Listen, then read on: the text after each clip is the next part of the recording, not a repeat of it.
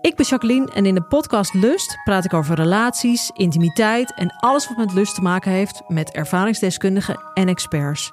Of je nu in een relatie zit, single bent of iets daartussenin, Lust is de podcast voor jou. Overal te beluisteren, dus ook in jouw favoriete podcast-app. Deze aflevering van Relaas is er dankzij onze vrienden van de show. Zij geven ons 2 euro of iets meer per maand, zodat wij deze podcast gratis kunnen houden voor iedereen. En kijk, Benedicte van Egem is net vriend geworden van onze show. Benedicte, nu kan jij genieten van exclusieve verhalen. Uh, je krijgt ook een sneak peek achter onze schermen. En wij geven jou een speciale uitnodiging voor een avondje verhalen luisteren alleen voor onze vrienden van de show. Dus lieve luisteraar, als jij dit verhaal vandaag gratis beluistert, weet dan dat iemand anders het aan jou cadeau heeft gedaan en dat je dat zelf ook kan doen. Vriendvandeshow.be slash relaas.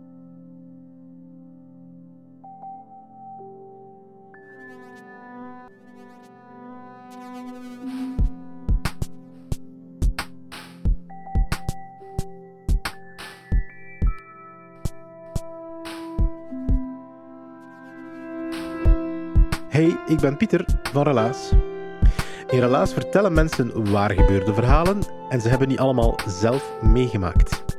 Caroline, haar verhaal gaat over afscheid. Het gaat over rouw. Haar verhaal past daarom perfect op onze vertelavond op Reveil. Dat was op 1 november van 2023. Reveil, dat is zo'n moment waarop we het leven vieren, maar ook de doden herdenken. Live op honderden kerkhoven in Vlaanderen op hetzelfde moment. Het was koud. Het regende pijpenstelen. Maar we zaten allemaal dicht tegen elkaar en wij warmden ons aan het verhaal van Caroline. En die vertelt over het afscheid van haar mama.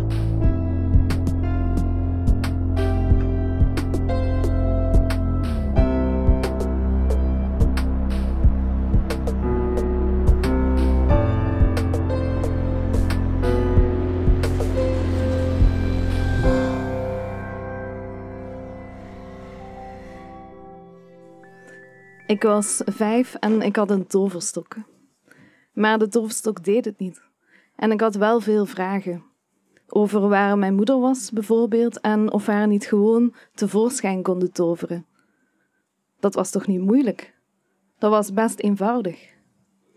Als toverstokken het niet deden, dacht ik, dan misschien plantenbakken. Op het woonerf waar ik opgroeide, stonden van die plantenbakken niet hoger dan een volwassen knie, en op die plantenbakken ging ik staan. Ik reikte mijn armen de lucht in, wiebelde op mijn tenen en maakte de sprong.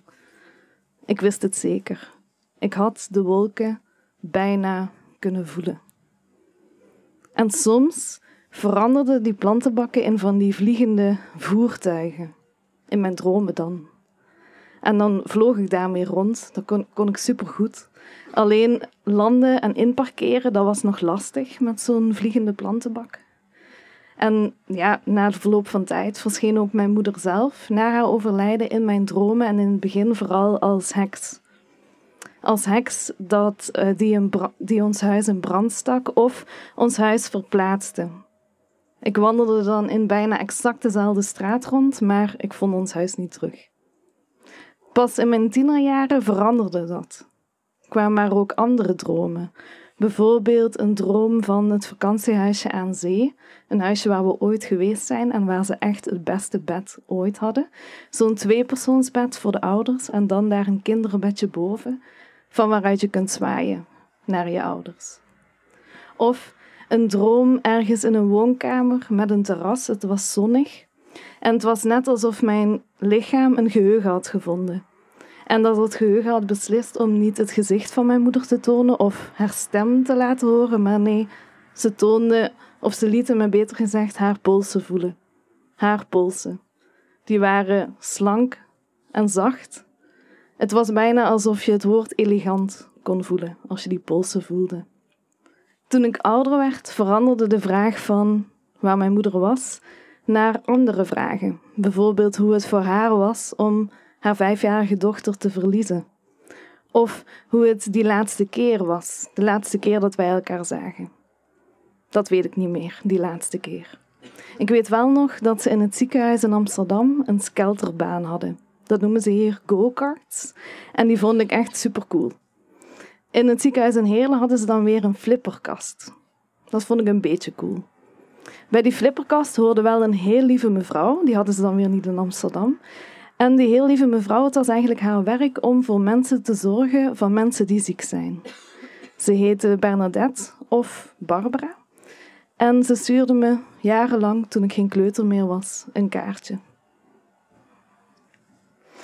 Er zijn dus heel veel vragen, herinneringen, verhalen. En er zijn ook filmbeelden van de oom in de familie die familiefilmpjes maakt. Als ik naar die filmbeelden kijk, dan zie ik haar, dan zie ik hoe zij aan tafel zit, naast wie ze zit, hoe bijna zwart haar haar was en hoe ze bijna altijd overstemd werd door de groep. Ze was geen tafelspringer. En soms wenste ik dat het anders was, want dan had ik misschien haar stem kunnen horen. Misschien leken onze stemmen wel op elkaar. Ik was vijf en ik verloor mijn moeder. Mijn moeder was 46 en ze verloor haar dochter. En het is anders. Het is anders om iemand te verliezen als je jong bent. Van mensen die je langer gekend hebt, die mensen die hoor je soms nog praten in je hoofd. Zo hoor ik soms het ochtendgezang van mijn opa, um, van die meezingers op LP. Dat was wel vooral een manier om mij uit bed te krijgen, maar goed. Of ik zie hoe wij samen Toon Herman zaten te kijken en een beetje geniffelden.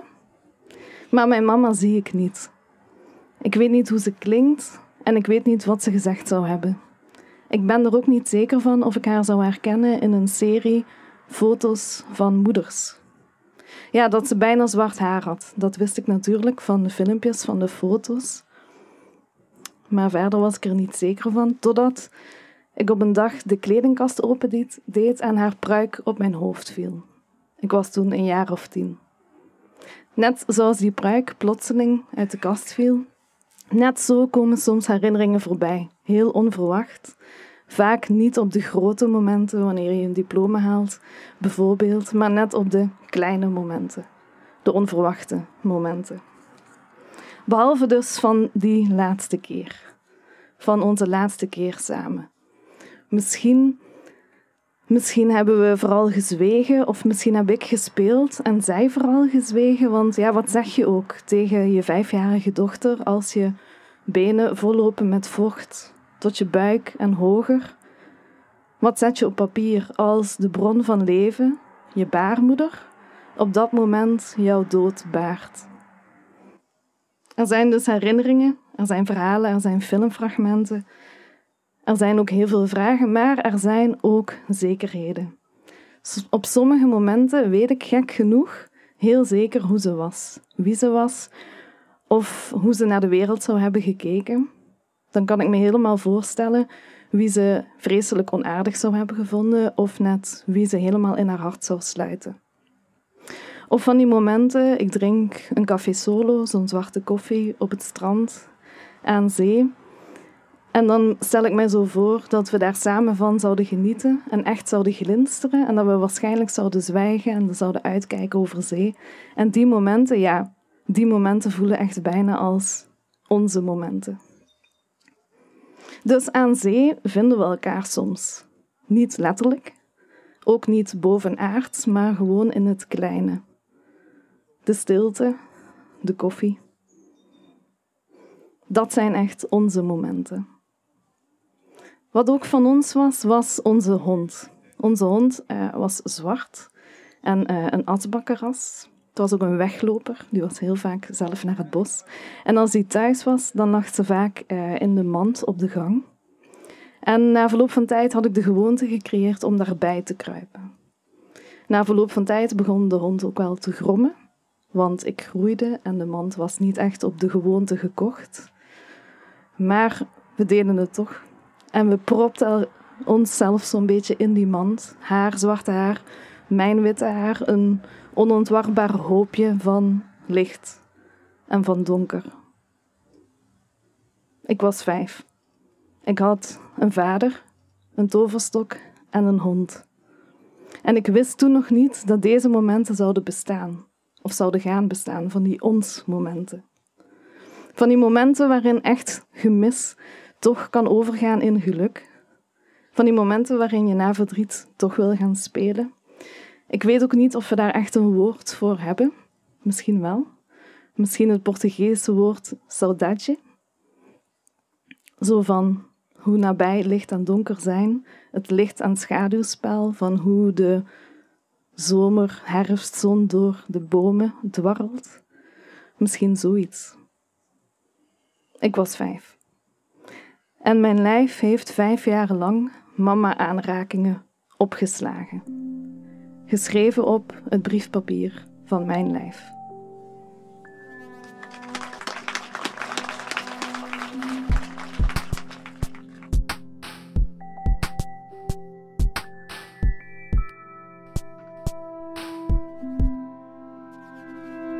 Dat was het relaas van Caroline. Ze heeft het verteld op het kerkhof van Gentbrugge op 1 november van vorig jaar. Het was ter ere van Reveil. Een initiatief zo warm dat we ten eerste de koude vergeten, eh, de regen ook vergeten op dat moment. En ten tweede eh, de reden waarom dat we er ook al vijf jaar aan meedoen, omdat zo'n heel mooi evenement is, Reveil. Het was dus relaas op Reveil. Relaas bestaat dankzij de steun van de afdeling cultuur van de stad Gent en dankzij onze vrienden van de show. Onze vrienden van de show die geven ons elke maand 2 euro of iets meer. Dat is ongeveer één tas koffie per maand, dus dat valt heus wel mee, dacht ik. Uh, en daardoor kunnen wij onze podcast in leven houden. Um, zolang wij kunnen, gaan we verhalen blijven zoeken, gaan we verhalen blijven coachen en gaan we onze verhalen ook op een podium blijven brengen. Maar dat kost nu eenmaal geld om onze teams in Gent, Brugge en Antwerpen actief te houden. Dus als jij deze podcast heel graag beluistert, overweeg het dan om ons te sponsoren via vriendvandeshow.be slash relaas. Dankjewel.